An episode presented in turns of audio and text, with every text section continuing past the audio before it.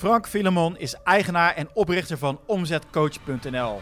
Hij groeide met een 0 euro sales funnel van niets naar een organisatie met 7 omzetcoaches in 3,5 jaar tijd. Met zijn bewezen succesvolle verkoopstrategie, gebaseerd op social selling, inbound marketing en een gestructureerd opvolgproces, realiseerde hij miljoenen views op social media. Frank was jarenlang verantwoordelijk voor een miljoenen omzet toen hij in loondienst werkzaam was. En gebruikt nu dezelfde systematiek binnen zijn eigen onderneming. Leer en kopieer van Frank Filemon. Vandaag heb ik de eer om te praten met Frank Filemon. Nou, we hebben elkaar leren kennen eigenlijk via een virtual event. Daar gaan we straks meer over vertellen. Hij was voor DHL was hij jarenlang verantwoordelijk voor 250 miljoen. Hij was verantwoordelijk voor 50 landen. Het ging hem om uh, echt de lead, lead management. Frank, welkom in de uitzending. Dankjewel, dankjewel Alex. 250 miljoen. Ja, dat is een behoorlijke omzet, hè? Had je, geen, had, had je geen hoofdpijn van al die mensen? Had je geen hoofdpijn van al die mensen die je moest aansturen? Sorry? Had je geen hoofdpijn van al die mensen die je moest aansturen in al die landen? Zeker, daarom ben ik voor mezelf begonnen. Ja. je gaf het al aan, hè? Per, per persoon, wat is je van, de, van een miljoen aan omzet? Ja, we hadden, ik, ik had uh, op het hoogtepunt, uh, dus ik was verantwoordelijk voor lead management, maar met name ook voor inside sales. Dus ik moest er eigenlijk voor zorgen dat 250 verkopers in 50 landen voorzien waren van voldoende belmateriaal, zo moet je het eigenlijk voorstellen. Nou, die mensen deden ongeveer een miljoen telefoontjes op jaarbasis. Dus ik had aardig wat, uh, wat te regelen. En ik was daarnaast ook verantwoordelijk voor die toko. Dus ik had een dubbelfunctie. En ja, dat zorgt zeker voor, voor hoofdpijn. En uh, zeker als je bedenkt dat de gemiddelde omzet van die persoon ongeveer een miljoen uh, per salesrep is. Uh, dan kun je niet veroorloven als, ja, als je daar gaten in slaat. Dus ook de verantwoordelijkheid naar die mensen. Want niet iedereen zit in de markt als Nederland. We hadden ook Oost-Europa, Zuid-Amerika, dat soort landen. Dus weet je, de impact op het moment dat ik niet perform en zij ook niet kunnen performen, dat geeft ook een hoge verantwoordelijkheid. Nou, wat ik nou zo mooi vind, is dat jij, ja, je bent voor jezelf begonnen, je, je bent uh, zelfstandig uh, MKB'ers gaan helpen. Jij hebt de technieken die de grote miljoenen bedrijven gebruiken, sales performance, heb jij vertaald, ja, heb het eigenlijk geschaald, gedownscaled voor de uh, ZZP'er. Kan je daar ja. wat meer over vertellen? Want dit is, dit is heel ja, opmerkelijk. Hè? Als je voor een bedrijf werkt, heb je altijd een sales manager boven je. Die houdt je performance in de gaten. KPI's aan het checken. Maar als je ondernemer bent, dan zit je in je eentje. Je hebt je, je, je Excel-sheet voor je. Ja. Maar jij hebt toch die performance mee kunnen nemen. Kan je daar wat over vertellen? Ja, nou ja, goed, dat, dat is natuurlijk. Waar, waarom ga ik van een wereldwijde verantwoordelijkheid naar het opstarten van, een, van, van mijn eigen bedrijf? Uh, op mijn, moet ik het even goed zeggen, ik denk dat ik op dat moment uh, 46 was. Um, omdat ik zag dat heel veel mensen daar moeite mee hebben. He, dus mijn drijfveer is de, de kleine ondernemer, maar ook, ook MKB-bedrijven trouwens. Uh, die dus goed zijn in een vak, goed product, goede dienst leveren, maar het eigenlijk lastig vinden om leads te genereren en klanten aan te trekken. En ik kreeg bij DHL, uh, nou, ik had uit het werken met de mensen had ik heel veel voldoening, maar uit het, uh, het, zeg maar het managen richting de top kreeg ik steeds minder voldoening. En ook vanuit het landenmanagement. Weet je, ik, ik, was ook veel aan het reizen. En dan ben je in een land bezig en uh, nou, iedereen enthousiast en je bent weer weg. En een week later doen ze het weer op een andere manier, omdat de lokale salesmanager denkt dat hij iets anders moet doen. En maar wij waren eigenlijk constant bezig met het verhogen van verkoopeffectiviteit, het verhogen van rendement uit de marketing- en verkoopinspanningen. En op het moment dat wij dus iemand in dienst hadden die eigenlijk niet um, ja, aan, de, aan de zogeheten benchmark-norm voldeed, dus eigenlijk niet uh, als je gaat kijken naar top 20 performance, top 20 underperformance en dan heb je 60% ertussenin, maar die, die 20% aan de onderkant die wil je eigenlijk omhoog trekken. Nou, daar hebben we een methodiek voor gebruikt, hè, dus een sales performance methodiek binnen DHL. En daar is DHL natuurlijk niet uniek in, want dat wordt wereldwijd waarschijnlijk door duizenden bedrijven op die manier gebruikt. Maar ik ben eens gaan kijken van, kan ik die methodiek nou vertalen naar een uh, aansturing op vrijwillige basis van een ondernemer? He, dus die ondernemer die eigenlijk zegt van, nou, weet je, ik heb gewoon behoefte aan een sparringpartner, iemand waarmee ik even van gedachten kan wisselen. Is het nou wel zo'n goede keuze die ik maak? Ik ga daar veel geld aan uitgeven, maar gaat het me ook klanten opleveren? Dat wil ik eigenlijk kunnen toetsen. Nou, wij kijken als een soort van ingehuurde salesmanager mee over de schouder van de ondernemer. En gebruiken dus technieken uit het bedrijfsleven, maar die hebben we wel ja, getwist en getweakt, zodat het natuurlijk niet zo is dat we na drie maanden zeggen, nou, ondernemer X, u kunt beter stoppen met uw bedrijf. Maar, hè, want normaal gesproken zou er na drie maanden een evaluatie zijn. En dan zeg je, hé hey Pietje, ehm, ja, we hebben er alles aan gedaan om jou te helpen om succesvol te worden. Maar we gaan toch afscheid nemen van elkaar. Ja, en bij die ondernemer is dan de conclusie van, goh, ja, heb, je nou wel, heb je nou echt alles doorgevoerd wat we hebben afgesproken? En soms, ehm, ja, soms kom je tot de conclusie dat de ondernemer toch, ja, nou, is hij ook natuurlijk een ondernemer, eigenwijs is en bepaalde andere dingen doet. En niet dat het een vast format is. Hè? Dus wij zeggen niet van er is maar één weg die naar Rome leidt. Maar als we samen afspraken maken, smart acties, waar je op dat moment allebei achter staat en het dan niet uitvoert, ongeacht wat die actie is, ja, dan is dat niet zo handig. En natuurlijk kan altijd uh, iets tussenkomen, kan van alles gebeuren. Daarom houden we ook heel nauw contact met de klant. Nou ja, in de meeste gevallen levert dat dus ook resultaat op. Hè? Dus na drie maanden ziet eigenlijk de gemiddelde klant progressie in de zin van meer rendement, een hogere verkoopproductiviteit, een hogere conversie, meer leads, nou, uiteindelijk dus ook meer klanten en meer omzet. We willen, we willen het geheim weten. Hè? Waar gaat het nou typisch mis? Want dan heb je de, de ondernemer, die, die komt niet uit het vakgebied, die wil meer omzet, meer klanten.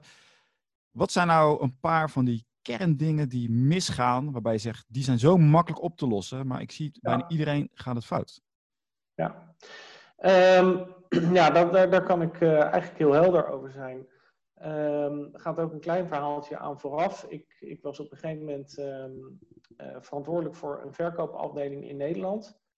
Uh, die heb ik opgezet en dat is, dat is teamwork. Hè? Dus ik ga me daar niet voor op de borst staan, maar ik had wel een heel duidelijk plan. Ik kon die afdeling van scratch van opbouwen.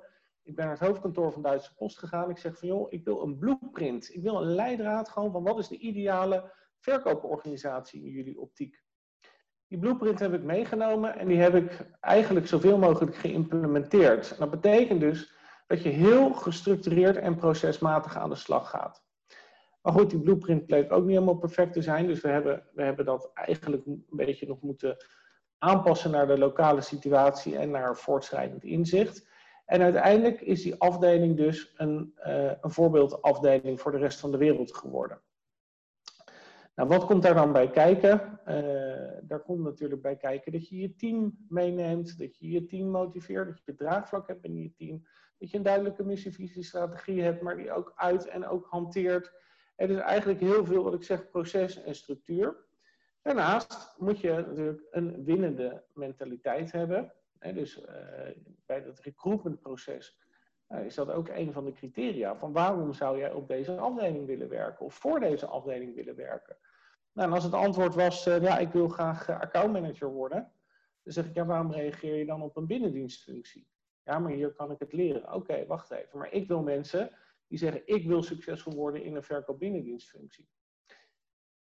Nou, mindset, structuur en dan missen we natuurlijk nog vaardigheden. Hè? Want je kan iets heel graag willen en je kan ook heel gestructureerd werken en het allemaal verkeerd doen. Dus we hebben heel veel geïnvesteerd in vaardigheden. Verkooptraining, onderhandelingstechnieken, omgaan met weerstand, selling on value, eh, dat was het advies.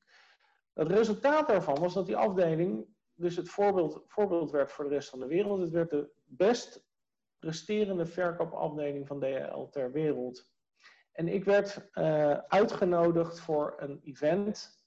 En dat was het event van de 100 beste verkopers ter wereld van DHL. Wat mij opviel op dat evenement was dat er een aantal mensen uh, meerdere keren hadden gewonnen. Dus van de, nou misschien wel, nou ja, er zijn tienduizenden verkopers bij DHL in dienst. En 100 van die mensen zijn dus de allerbeste. En van die allerbeste waren er sommigen nog beter, want die waren twee, voor de tweede keer of derde keer op dat event. Ik denk, dat moeten wel hele bijzondere mensen zijn. Dus ik ben met die mensen gaan praten en ik heb gevraagd, mag ik jou interviewen? En ik ben op zoek gegaan naar hun succesingrediënten. Nou, dat bleek, bleek dus heel erg overeen te komen met wat wij hadden gedaan in Nederland. Dus die combinatie van de winnaarsmentaliteit, de commerciële mindset, de drang om te winnen, niet opgeven. In combinatie met jezelf continu ontwikkelen, het blijven leren, investeren in jezelf. En uiteraard dat procesmatige. Want dit waren mensen die hadden hun cijfertjes op orde. Die konden met één druk op de knop zien, zoveel zit er in mijn pipeline, zoveel zit er in elke fase van het verkoopproces. Dit is de gemiddelde waarde, dit is de gemiddelde conversieratio. Ik weet volgende maand al wat ik aan omzet ga realiseren. Ik weet ook hoeveel leads ik nodig heb. Ik weet ook hoeveel klanten daaruit gaan komen, et cetera. Die mensen stelden de juiste commerciële prioriteiten. Die waren in de ochtend bezig met hun acquisitie, die waren in de middag bezig met hun nieuw business. En die gaven niet op. Dus waren met een klant bezig die drie jaar later klant zou kunnen worden. Maar dat was wel een proces aan vooraf gegaan van drie jaar heel hard werken. Dat hebben wij dus meegenomen, heb ik ook meegenomen al die jaren in, in mijn uh, rol bij DHL, maar natuurlijk ook in het ondernemerschap bij omzetcoach.nl. Dus als wij gaan werken met klanten, dan hebben wij niet alleen focus op een methodiek en op een, we noemen dat dan een smart omzetgroeiplan, maar we hebben met name natuurlijk uh, aandacht voor die drie succesingrediënten op het gebied van de mens, ondernemer, de, de medewerker, uh, maar ook mensen eromheen. Dus wie beïnvloeden eigenlijk zo'n ondernemer? En wat doet dat met die mindset van die ondernemer? Daarnaast gaan we kijken naar hoe is zijn salesproces ingericht? Weet hij inderdaad hoeveel leads hij nodig heeft? Ik denk dat het daar, dat daar bij de meeste fout gaat. Absoluut. Heb ik het goed? Structuur. Ja. Structuur. En dus mindset en vaardigheden, en dat zie je ook op jouw event en op mijn event, is oververtegenwoordigd. Absoluut oververtegenwoordigd. Maar juist die commerciële prioriteiten stellen, daar gaat het in de basis vaak om mis. Er is veel te lage voorspelbaarheid van de omzet. Als ik van flatgebouw afspring met een parachute, dan wil ik toch zekerheid hebben dat die parachute open gaat. Maar, en op het moment dat ik bij DHL pakjes aflever en ik verstuur vandaag iets, dan wil ik toch dat het morgen op tijd aankomt.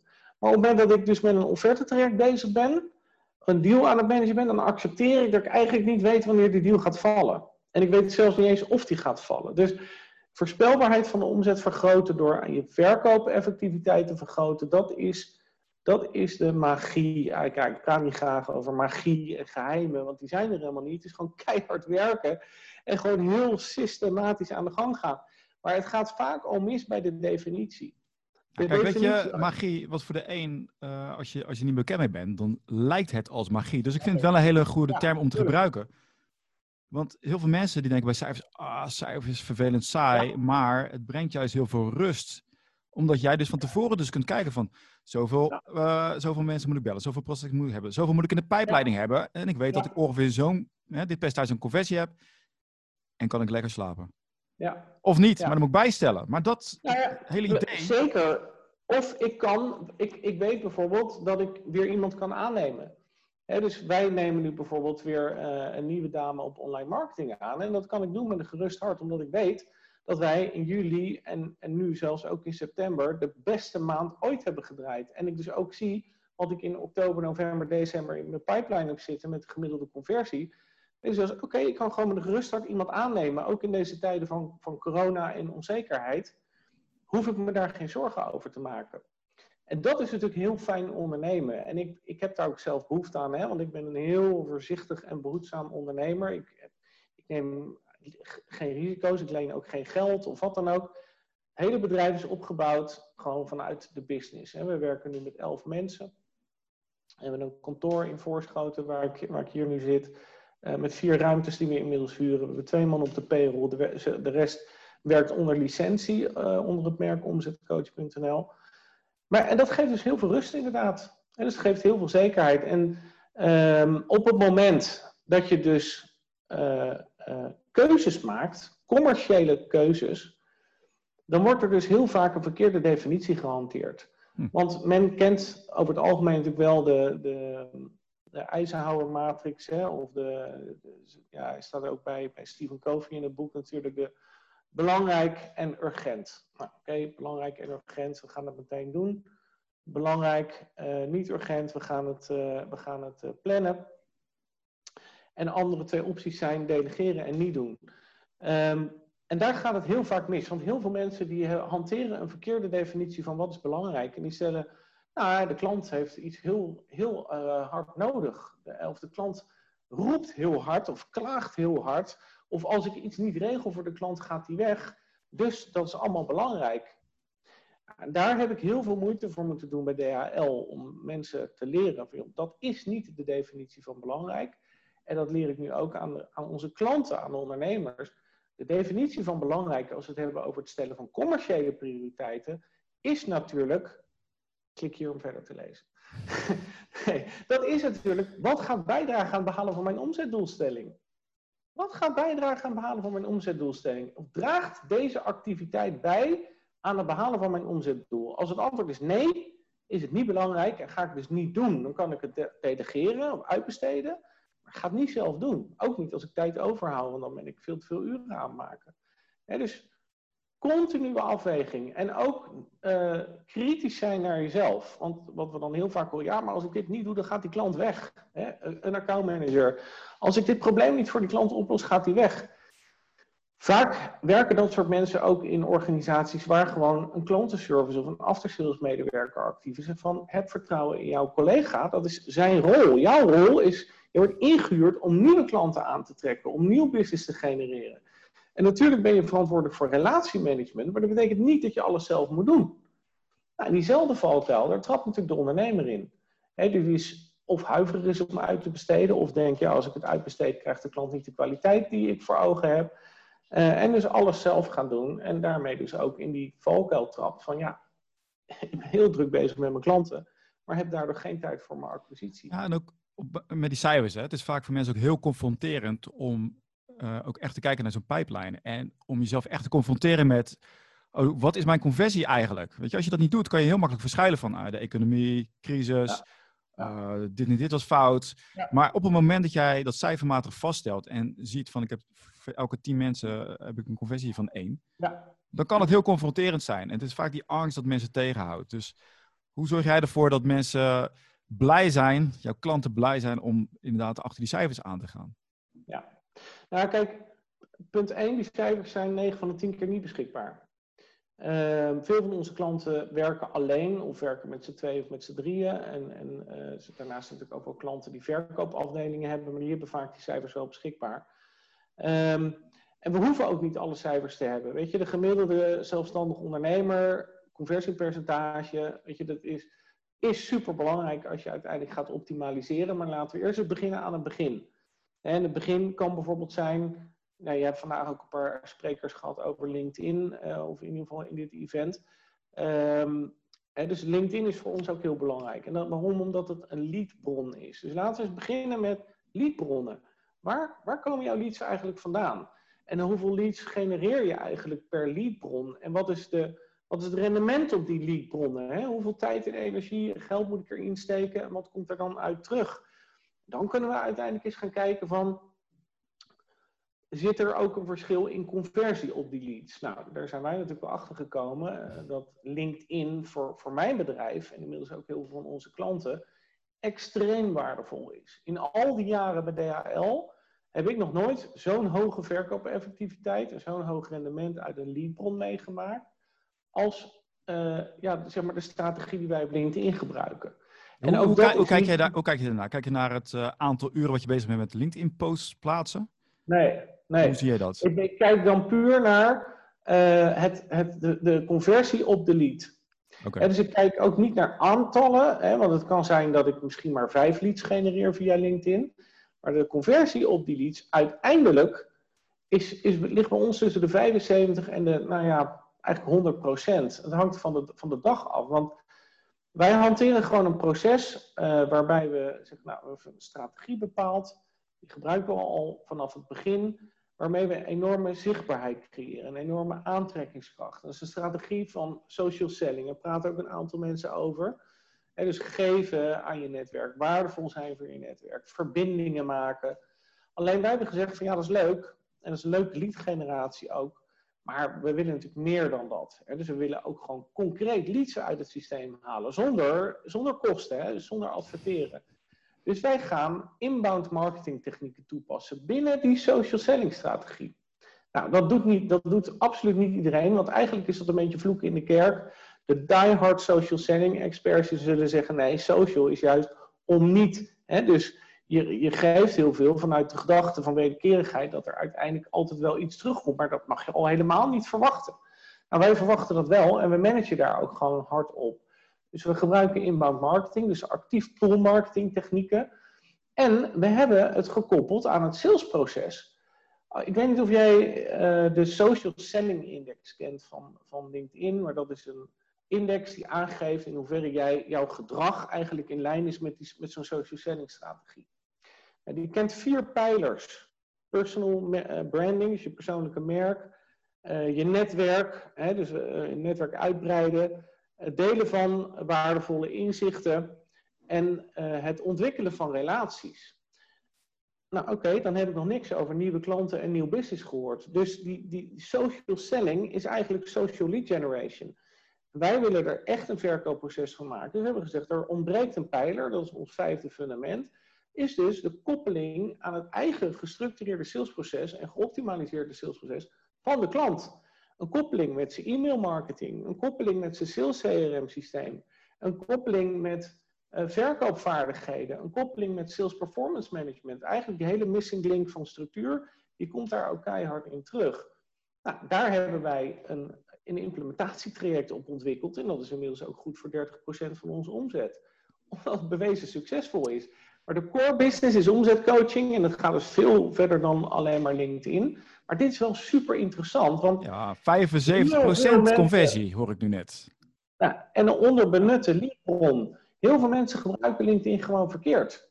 En die managen niet op de metrics. Weet je, wij, de, sterker nog, dat is echt wat ik net al zei, vloeken in de kerk. Er zijn mensen die zeggen, ja, dat gaat alleen maar om ego en, en volume en hoeveel connecties, omdat je dan op je borst kan kloppen. Nee, ik wil connecties en volgers, omdat ik gewoon weet, elke duizend volgers leveren me zoveel duizend euro omzet op. En elke duizend volgers leveren me zoveel nieuwe eh, leads op als subscribers op mijn e-maillijst bij mijn leadgeneratiepost. En elke duizend volgers zijn toekomstige klanten. Want het is een extreem duurzame strategie, want ik hoef geen advertentiegeld te betalen. Ik ben gegroeid van 2.500 naar 19.000 volgers. Hè, met een, met een, uh, een, ratio van bijna 100%. Dus ik verlies ook bijna geen connecties. Um, omdat ik dan zou spammen volgens mensen of zo. Maar er is helemaal geen sprake van. Dus mensen waarderen het heel erg wat ik deel op LinkedIn. Dus we managen op hoeveel connecties, hoeveel volgers, hoeveel profielbezoeken, uh, hoeveel views op de bijdragers. Enorm belangrijk. Ik heb 10 miljoen, 10,4 miljoen views op mijn bijdragers gehad op LinkedIn in de afgelopen paar jaar. En dat leren we dus ook aan klanten. Hoe kan je je zichtbaarheid optimaliseren, je aantrekkingskracht? Waarmee ben jij waardevol voor jouw netwerk? Wat zijn tips en inzichten die jij kunt delen op dat platform? in persoonlijke en unieke content, waardoor je dus views gaat krijgen, dat je betrokkenheid krijgt op die bijdragers. Dat is natuurlijk een enorm belangrijk. De mensen zitten nu allemaal met hun oren te klapperen. Echt zo, wat 10 miljoen, hoe doet hij dat? Kijk, het is altijd, weet je, met dit soort getallen, het is altijd leuk om iemand zo uh, enthousiast over te krijgen. En met LinkedIn, ja, ik heb een aantal mensen erover gesproken, maar je ziet verschillende inzichten. En jij hebt weer een andere manier dan de andere sprekers hierover. Maar het is wel heel interessant, want jij koppelt dus het lead management eraan. Dus je bent echt bezig om, doel, je bent doelgericht bezig.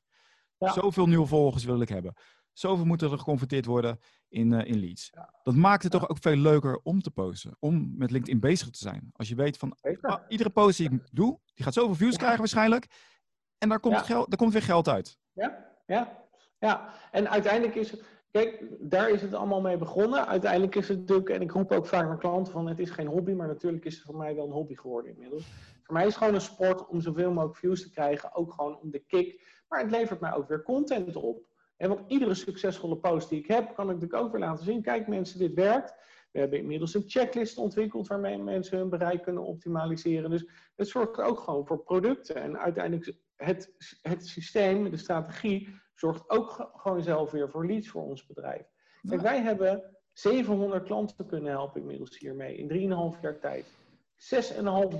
6.500 leads gegenereerd, waarvan de meeste leads maar met een handvol bijdragers.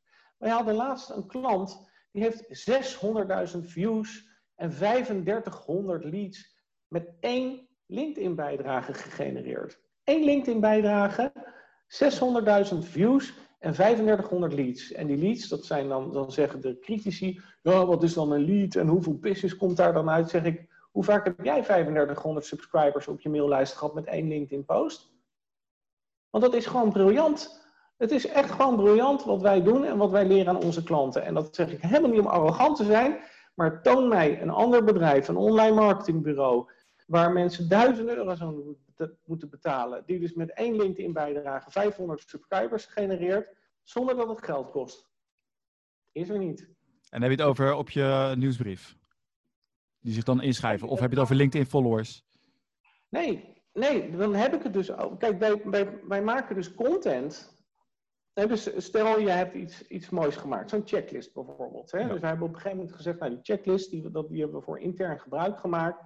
Er staan 13 punten in waarmee we ons eigen bereik optimaliseren. Dus ik heb toen ook gezegd tegen die omzetcoaches van joh, dit moet je niet uh, gaan doorverkopen of zo, of, of aanbieden op LinkedIn, want dit is, onze, is echt ons geheim en dan heb ik bloed, zweet en tranen over gedaan om zo, tot zo'n checklist te komen. Weet je, maar wat moet je nou doen voordat je gaat posten, tijdens het posten, na het posten?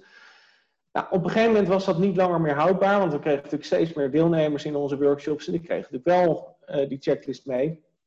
En ze hadden op een gegeven moment zoiets van, uh, nou, misschien uh, moeten we het wel eenmalig een keer te koop aanbieden en gewoon eens kijken wat er gebeurt. En dan koppelen we dat aan een goed doel.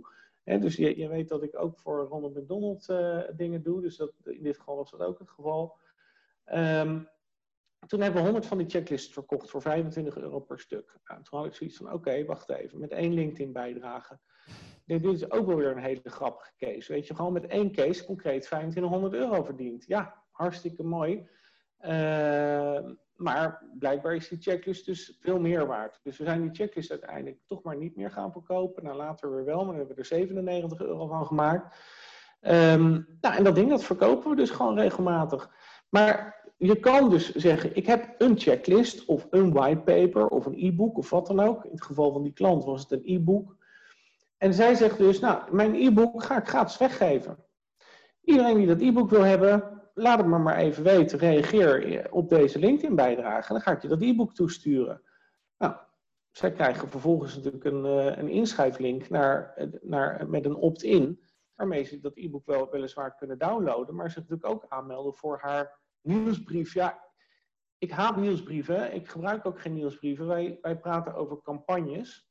dus wij sturen ook geen geautomatiseerde e-mail follow-up naar klanten. Dat vind ik echt een grootste uh, ergernis werkt ook gewoon echt niet, ondanks dat alle, alle mensen vertellen. Eh, sommige mensen zeggen wel eens van ja, waarom doet iedereen dat toch? Uh, nou, dan zeggen de goeroes van ja, omdat het werkt. het rendement is extreem laag en je bent echt je leads aan het verbranden. Het is veel belangrijker om je leads ja, te gaan ontwikkelen en de relatie te gaan ontwikkelen door ze te blijven voeden met waardevolle inzichten. En dus niet gaan spammen met, heb je nou mijn e-book al gedownload? En wel wat gaan doen met die inzichten? En wanneer kom je naar mijn workshop, masterclass of cursus? Dat komt later wel. Kijk, wij sturen uiteindelijk natuurlijk ook wel eens een keer iets van, goh, we hebben een cursus of een, of een, een, een, eh, een implementatietraject, of misschien wil je wel omzetcoaching of wat dan ook, of organiseren, uh, succesvol verkopen evenement. En dan zien we dus in de nieuwsbrieven, campagnes, uh, e-mail marketing, moet ik eigenlijk zeggen, zien we natuurlijk precies wie wat geopend heeft. dus het systeem is voor ons wel heel belangrijk. En vervolgens zien we, oh, ze hebben geklikt op uh, het linkje over het event, maar ze hebben niet geboekt. Nou, dan heb ik dus Hans, Hans heb ik aangenomen, dat was mijn eerste uh, man op de payroll. En die heeft ook heel lang bij DL gewerkt, bij mij op de afdeling. Dus ik wist gelukkig wel wat ik in huis haalde. En die belt na.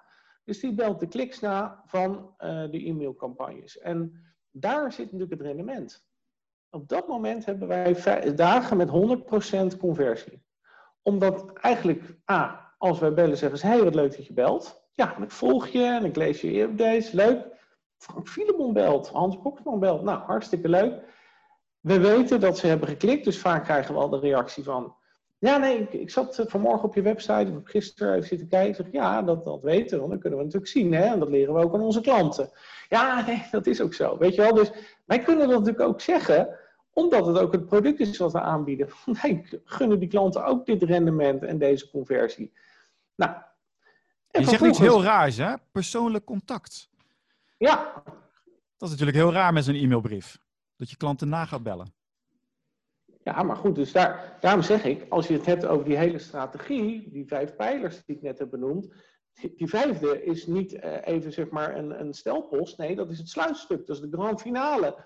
De grand finale zit natuurlijk in het persoonlijk contact.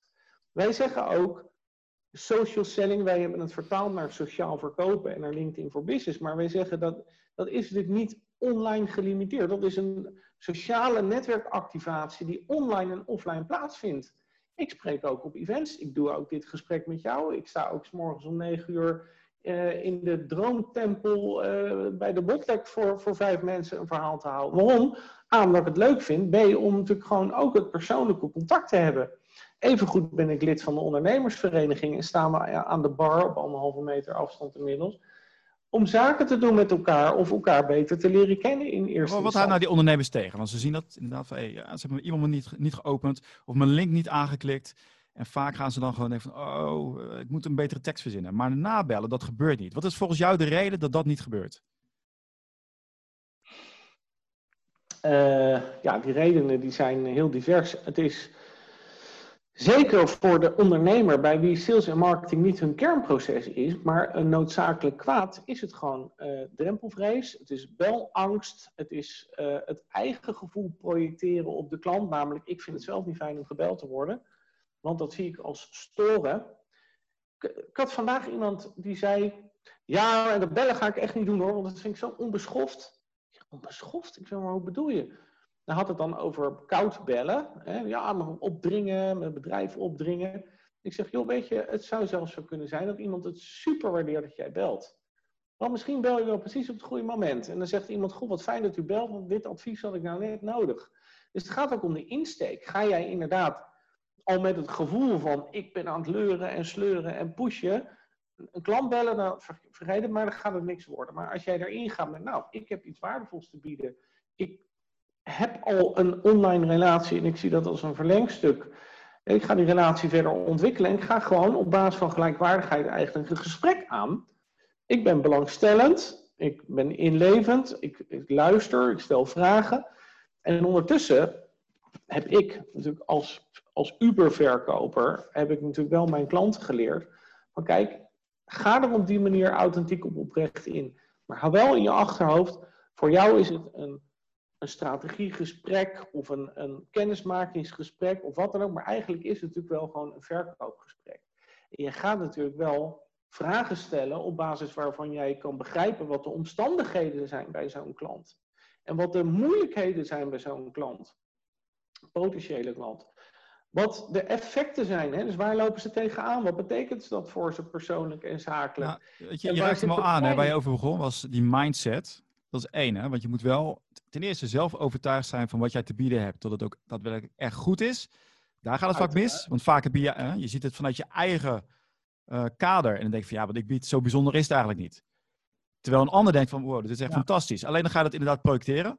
En dat, uh, dat storende, we zijn gewoon doodgegooid met slechte verkopers aan de telefoon. Ik denk dat daar aan ligt. Of, of slechte verkopers die je meemaakt als je een keuken gaat halen. Dat zit allemaal in het hoofd dat, dat, dat, is het. Hè? Dus wat ik zei, allergie, belangst, drempelvrees. De eigen, de eigen ervaring projecteren. En op dat moment inderdaad stel ik het uit. En van het uitstelgedrag komt afstelgedrag. Terwijl als je wel dat gesprek kunt voeren en over die omstandigheden, moeilijkheden, effecten en uiteindelijk ook toekomstvisie kan praten van de klant. Dus wat, waar heeft de klant eigenlijk behoefte aan en hoe zou hij dat in willen vullen en wie of wat heeft hij daarvoor nodig? Dan hoor jij misschien wel, hé, hey, wacht even, hm, daar zou ik misschien wel bij kunnen helpen. Is dat voor mij ook commercieel interessant? Kan ik dat? Misschien moet ik eens een, een uh, gaan praten over een eventueel voorstel. En dan mag het ook, want die klant heeft zelf natuurlijk uitgesproken van... ja, ik zou eigenlijk wel iemand uh, kunnen gebruiken die dit of dit voor me zou kunnen doen. Nou, als jij dat kan, dan mag je dat toch zeggen. En zeggen van nou, uh, jij benoemt het. Ik kan dat. Ik kan jou helpen. En dat, dat doe ik op die manier. En dat levert je uiteindelijk dit en dit op. En luister jij ook mee met jouw klanten als zij een verkoopgesprek doen? Ja. Wat, wat, gaat er dan, wat merk je dan? Wat gaat er dan mis? Los van dat ze zenuwachtig zijn van uh, de Uber-verkoper na zich? Ja, nou, dat, dat, is een hele goede vraag. Kijk, wij hebben nu een sales challenge lopen. Daar doen 31 mensen aan mee. En die mensen die hebben dus allemaal met dit soort uitdagingen te maken. En die, hebben ze, die, vind ik, die mensen heb ik echt waardering voor. Want die hebben dus zich vrijwillig aangemeld om mee te doen met iets waar hun enorme allergie en aversie ligt. Nou, een aantal van die mensen hebben al aangegeven, luister inderdaad ze mee met een gesprek. Of ze komen met voorbeelden uit die gesprekken. Nou, wat je dan eigenlijk vaak hoort, dus een valkuil bijvoorbeeld, is om veel te snel met je aanbod te komen.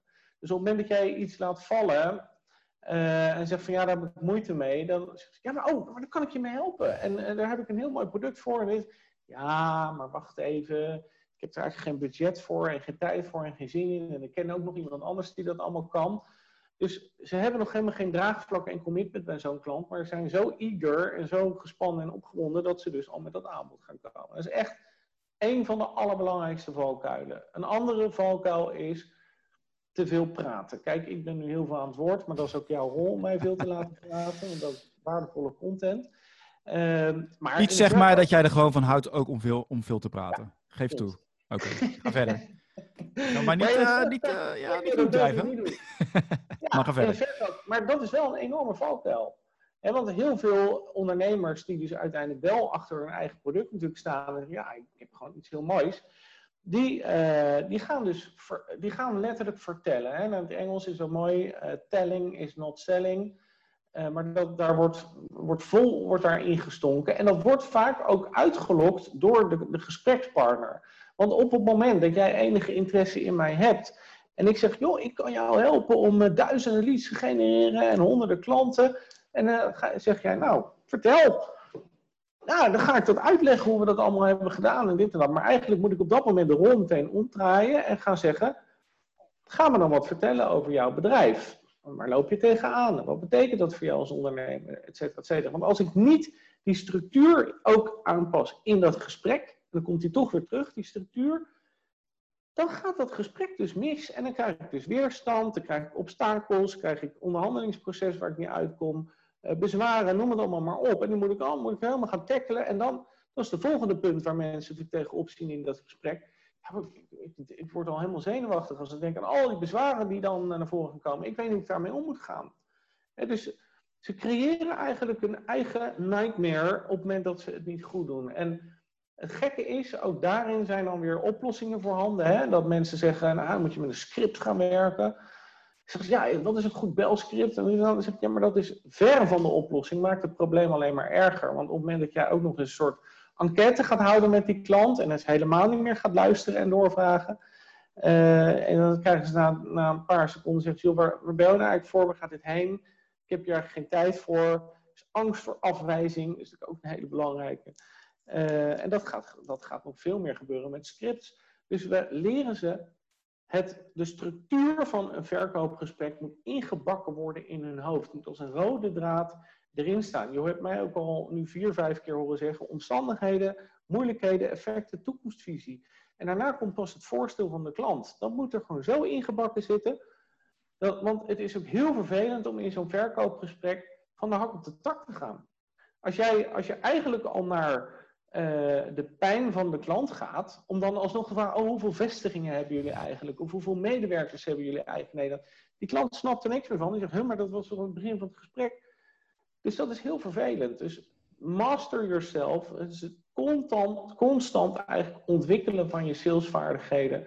Meegaan ook, en daar waar mogelijk, natuurlijk ook slimme technologie gebruiken.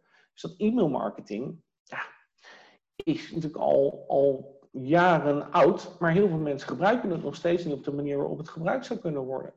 En dan, dan heb je die AVG met die opt-ins. Nou, hop, weer een drempel opgeworpen. Weet je, ik ga het maar niet doen, want het is allemaal te ingewikkeld. Maar laat die kansen niet liggen, want dit maakt je salesproces gewoon effectiever. Maar uh, de Wolf of Wall Street, die pleit helemaal voor uh, sales scripts, hè? Dat hij miljoenen mee verdient. Maar jij knalt nee, allemaal weg. Nee, dat is niet zo. Nee, dat is niet zo. Vertel. Nee, uh, Jordan Belfort heb je het over. Ja. Eh, die werkte vanuit een proces- en een alignment-strategie. Dus hij zei: de mensen moeten jou vertrouwen, ze moeten je bedrijf vertrouwen. Daarom had hij een chique naam verzonnen voor zijn bedrijf. En bespeelde hij eigenlijk de klant of de relatie, zodat hij de gunfactor eigenlijk al heel snel in zijn telefoongesprek kreeg. En natuurlijk had hij een enorme trigger, een enorme aandachtstrekker, namelijk, joh, ik ga hem vertellen We hebben stokpennies, uh, waardeloos, maar ga ik je niet zeggen. Maar we hebben een fantastische opportunity voor je.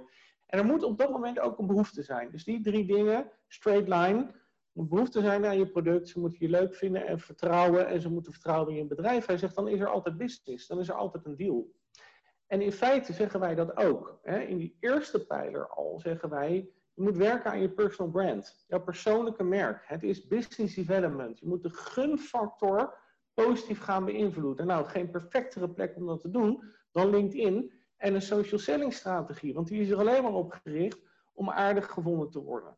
Zodat mensen je gaan vertrouwen en uiteindelijk bij jou iets gaan kopen. Gebruik ook, gebruik ook uh, sorry, wat zei om, om, om, om het in zijn, Hij leerde zijn mensen om uh, geen aannames te doen, maar wel te anticiperen. En om die, die straight line methodiek te beheersen in hun hoofd. Niet, niet vanaf een blaadje, van als de klant dit zegt, moet ik dat gaan doen. Gebruik je ook andere uh, platformen? Zoals, uh, nou, welke platformen gebruik jij eigenlijk allemaal? Je hebt LinkedIn? Platformen op het gebied van social media bedoel je? Andere, ja. Nee, je gaf al aan, je spreekt ook op beurzen. Wat doe je nog meer? Ja, ja, oké. Nou, kijk, in principe hebben wij onze handen vol aan alle leads die vanuit sociale netwerkactivatie komen. En sociale netwerkactivatie is dus in principe online en offline communities. Hè? Dus ik ben lid van, van onder, meerdere ondernemersverenigingen. Uh, ja, gericht zeg maar, op het zakelijk netwerken. Uh, de netwerkvloer bijvoorbeeld in, uh, in wat meer het noordoosten van het land. Maar ook de lokale ondernemersvereniging. en, en wij ja, proberen zeg maar wel als omzetcoaches natuurlijk zoveel en zo vaak mogelijk ook een live podium te krijgen om ons verhaal, verhalen te delen. Hè? Kijk, wij hebben het nu, nu heel erg over sales performance management en lead, leadbronnen en optimalisatie. Maar ja, vaak heb je al een verhaal, bijvoorbeeld alleen al over die LinkedIn-strategie. Daar kan je al een verhaal over houden. Weet je? Dus er zijn heel veel verhalen vanuit onze kant, klantencases, hele mooie, interessante klantencases, waar je gewoon al een podium uh, mee kunt vullen en een publiek mee kunt boeien. Dus ja, dat is zeker iets wat we benutten. Daarna natuurlijk alle social media kanalen. Hè, dus Facebook, Twitter, Instagram.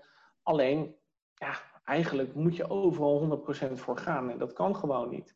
dus dat leidt eigenlijk een soort van slapend bestaan. Hebben we een klein beetje af en toe focus, maar in niets vergelijkbaar met de kracht van, van LinkedIn. Ja. Uh, website optimalisatie, nou daar ligt voor ons ook nog een enorme kans. Ik krijg heel vaak berichtjes van, uh, van online marketeers of, of website specialisten die zeggen, nou je laat de kansen liggen op je SEO. En ik zeg, ja ik weet het, I know. Weet je, dit is echt voor ons ook zelf nog een leadbron die absoluut ontwikkeld kan worden. Alleen moet ik wel opvolgcapaciteit hebben, anders heb ik er niks aan. We hebben nu al 6.500 leads in het systeem die we met die 11 man nauwelijks aan kunnen, omdat er gewoon ook heel veel op ons afkomt. Dus wij werken eigenlijk heel erg reactief. Een uh, verschrikkelijk probleem heb jij. Och, ja, nee, dat hebben we Vervelend. Ook. Dus daar waar, waar de meeste klanten zeggen, ja, help me met het probleem oplossen. Ja, ik wou dat je mij niets kon geven. Kijk, wij hebben natuurlijk al een heel makkelijk product. Hè? Daar ben ik inmiddels ook wel achter. Want iedereen heeft behoefte aan meer klanten en meer omzet. Het is of een noodzaak, of een grote wens. Hè? Dus ik heb een miljoen omzet en ik wil groeien naar 2 miljoen omzet.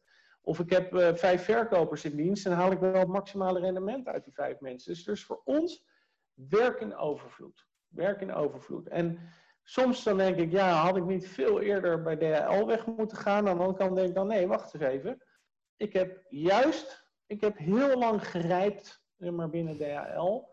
Uh, ben niet verrot, maar ik ben eigenlijk gewoon op een heel mooi moment weggegaan. Hoogtepunt van mijn carrière. Ik had een fantastische job, ik reisde heel veel, ik had een topsalaris. Maar ondertussen zag ik wel uh, ja, heel dicht bij huis, zeg maar, mijn ouders hadden het heel moeilijk zeg maar, met hun winkel en nog wat andere ondernemers in de omgeving die eigenlijk ja, aan het toppen waren. En zo is iets weet je, ik sta hier in Dallas en in Moskou en in Shanghai. Ik sta ik fantastische dingen te doen, maar eigenlijk is het toch, als ik heel eerlijk ben, een beetje paarlen voor de zwijnen. En ja, sommigen vallen gewoon echt trekken aan een dood paard. Uh, ja, en daar kreeg steeds minder, minder voldoening uit. Nou, je grote nou organisaties, log, ik, ik begrijp je helemaal. Je houdt zelf ook events. Je hebt vorig jaar een event gehouden, een live event. Ja, klopt. Dat hoort er ook bij, hè? Je, je, je zorgt ervoor dat je waarde ja, dus wij, wij organiseren zelf, dus als je het hebt over het ontwikkelen van leadbronnen, is uh, netwerkactivatie is voor ons super belangrijk. En we organiseren webinars, kennissessies, heel veel online, maar ook live. Dus we hebben toen uh, bedrijf moet ik het even goed zeggen, drie jaar bestond, 1 februari 2020, hebben wij een aantal gastsprekers uitgenodigd, een aantal workshops georganiseerd. Ja, achteraf gezien was dat anderhalve maand voor corona. en dat was super gaaf. Dus we hadden 80 mensen rondlopen in Leiden. En ehm, daar hebben we het Fletcher Congrescentrum afgehuurd en een super gave eh, dag gehad. En wij noemden dat het succesvol verkopen evenement. Nou, en ik heb toen geroepen, van ja, dit gaan we natuurlijk vaker doen. Hè? Dus we gaan nu een datum prikken met elkaar. Heb ook allemaal de agenda. Laten 5 november, nou, 5 november, bijna iedereen komt. Dus 5 november gaan wij het volgende succesvol verkopen evenement organiseren. Nou ja, goed. Uh, vrij snel daarna werd natuurlijk duidelijk van, dat gaat hem niet worden in coronatijd. En toen kwam toch weer even een beetje de hoop van, misschien kunnen we toch iets met een live event gaan doen. We hebben vorige maand hebben we een hele gave uh, netwerkbijeenkomst gehad bij Op een, eh, klant van ons. Ze hadden zoiets van, nou, misschien toch het event doen, alleen ja, toch besloten van, laten we toch maar het zeker voor het onzeker doen en een online event, succesvol verkopen evenement van maken. Ehm, nou ja, en gelukkig maar, want ja, de, de, de afgelopen uh, weken is natuurlijk is, is, er zoveel gebeurd weer dat, uh, dat een offline event absoluut niet handig zou zijn geweest. Er is um, online succesvol verkopen event brengt nog steeds heel veel mensen samen, dit keer via Zoom. Maar we hebben ook bijvoorbeeld netwerksessies ingebakken in het event, zowel in de middag als in aan het einde van de middag. Ook een, netwerksessie die gefaciliteerd wordt door een professioneel netwerker. Uh, er zijn masterclasses, er zijn workshops die wat interactiever zijn, er zijn webinars. Maar alles is live. Dus we hebben alles live, dus iedereen staat gewoon geprogrammeerd. Mensen kunnen dus eigenlijk zeg maar, aan de hand van een menukaart kiezen. Uh, nou, de, alle keynotes die zijn centraal. Hè? Ze hebben vier keynotes en dan uh, alle workshops, er zijn er drie van op hetzelfde moment. Ja, ze zullen dus een keuze moeten maken. Ja. Uh, de kaartjes die we verkopen, de opbrengst gaat naar het Ronald McDonald Huis. Dat is ook nog wel leuk om even te vermelden, denk ik. Uh, omdat het voor ons is het event zelf primair geen verdienmodel. Wij willen juist die verbinding en de gunfactor. En dat mensen moeten ons leuk en aardig gaan vinden door zo'n event.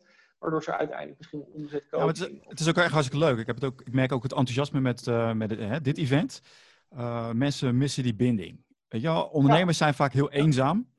En nu al die momenten, die, zijn, ja, die gaan langzaam weer weg. Hè? Dat, je, dat je met z'n allen bij elkaar kan komen. Dus dat maakt het er niet beter op. Dus dit is uitgelezen kans om te netwerken, maar ook om jezelf, om even buiten je bedrijf te gaan en van weer nieuwe inzichten te horen. Dus ik, uh, ik vind het wel. Dus ik hoop dat heel veel mensen ook naar jouw event toe gaan.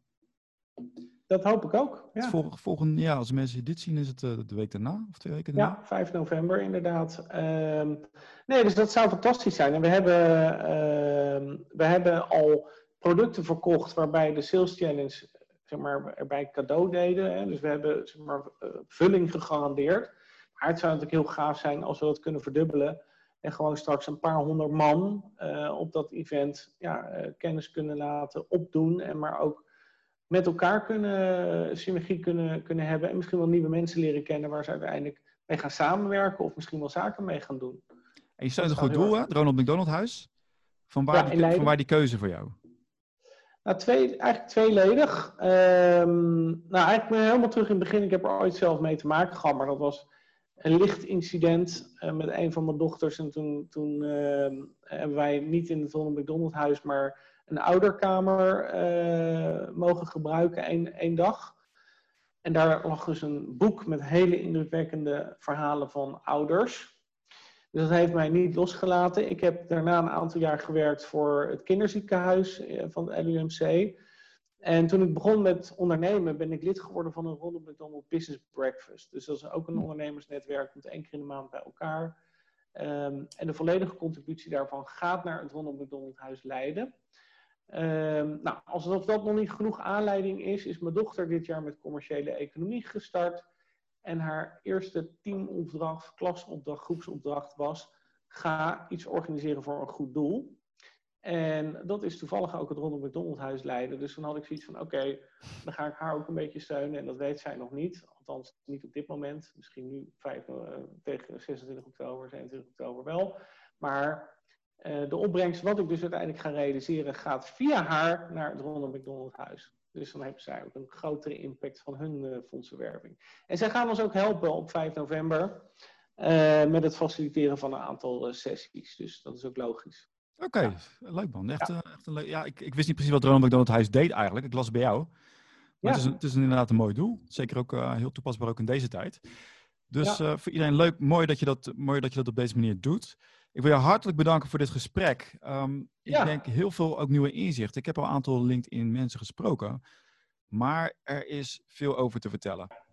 Frank, je hebt uh, de mensen geïnspireerd. Mensen willen, willen we inderdaad weten hoeveel, hoe komen ze aan die omzet. Hoe zorgen ze voor een mooie funnel? Hoe houden ze cijfers in de gaten en die conversie? Jij doet het allemaal. Waar kunnen mensen meer vinden over wat jij allemaal doet? Ja, nou, uh, op omzetcoach.nl. Dus uh, dat is natuurlijk het voordeel als je bedrijfsnaam hetzelfde is als de website.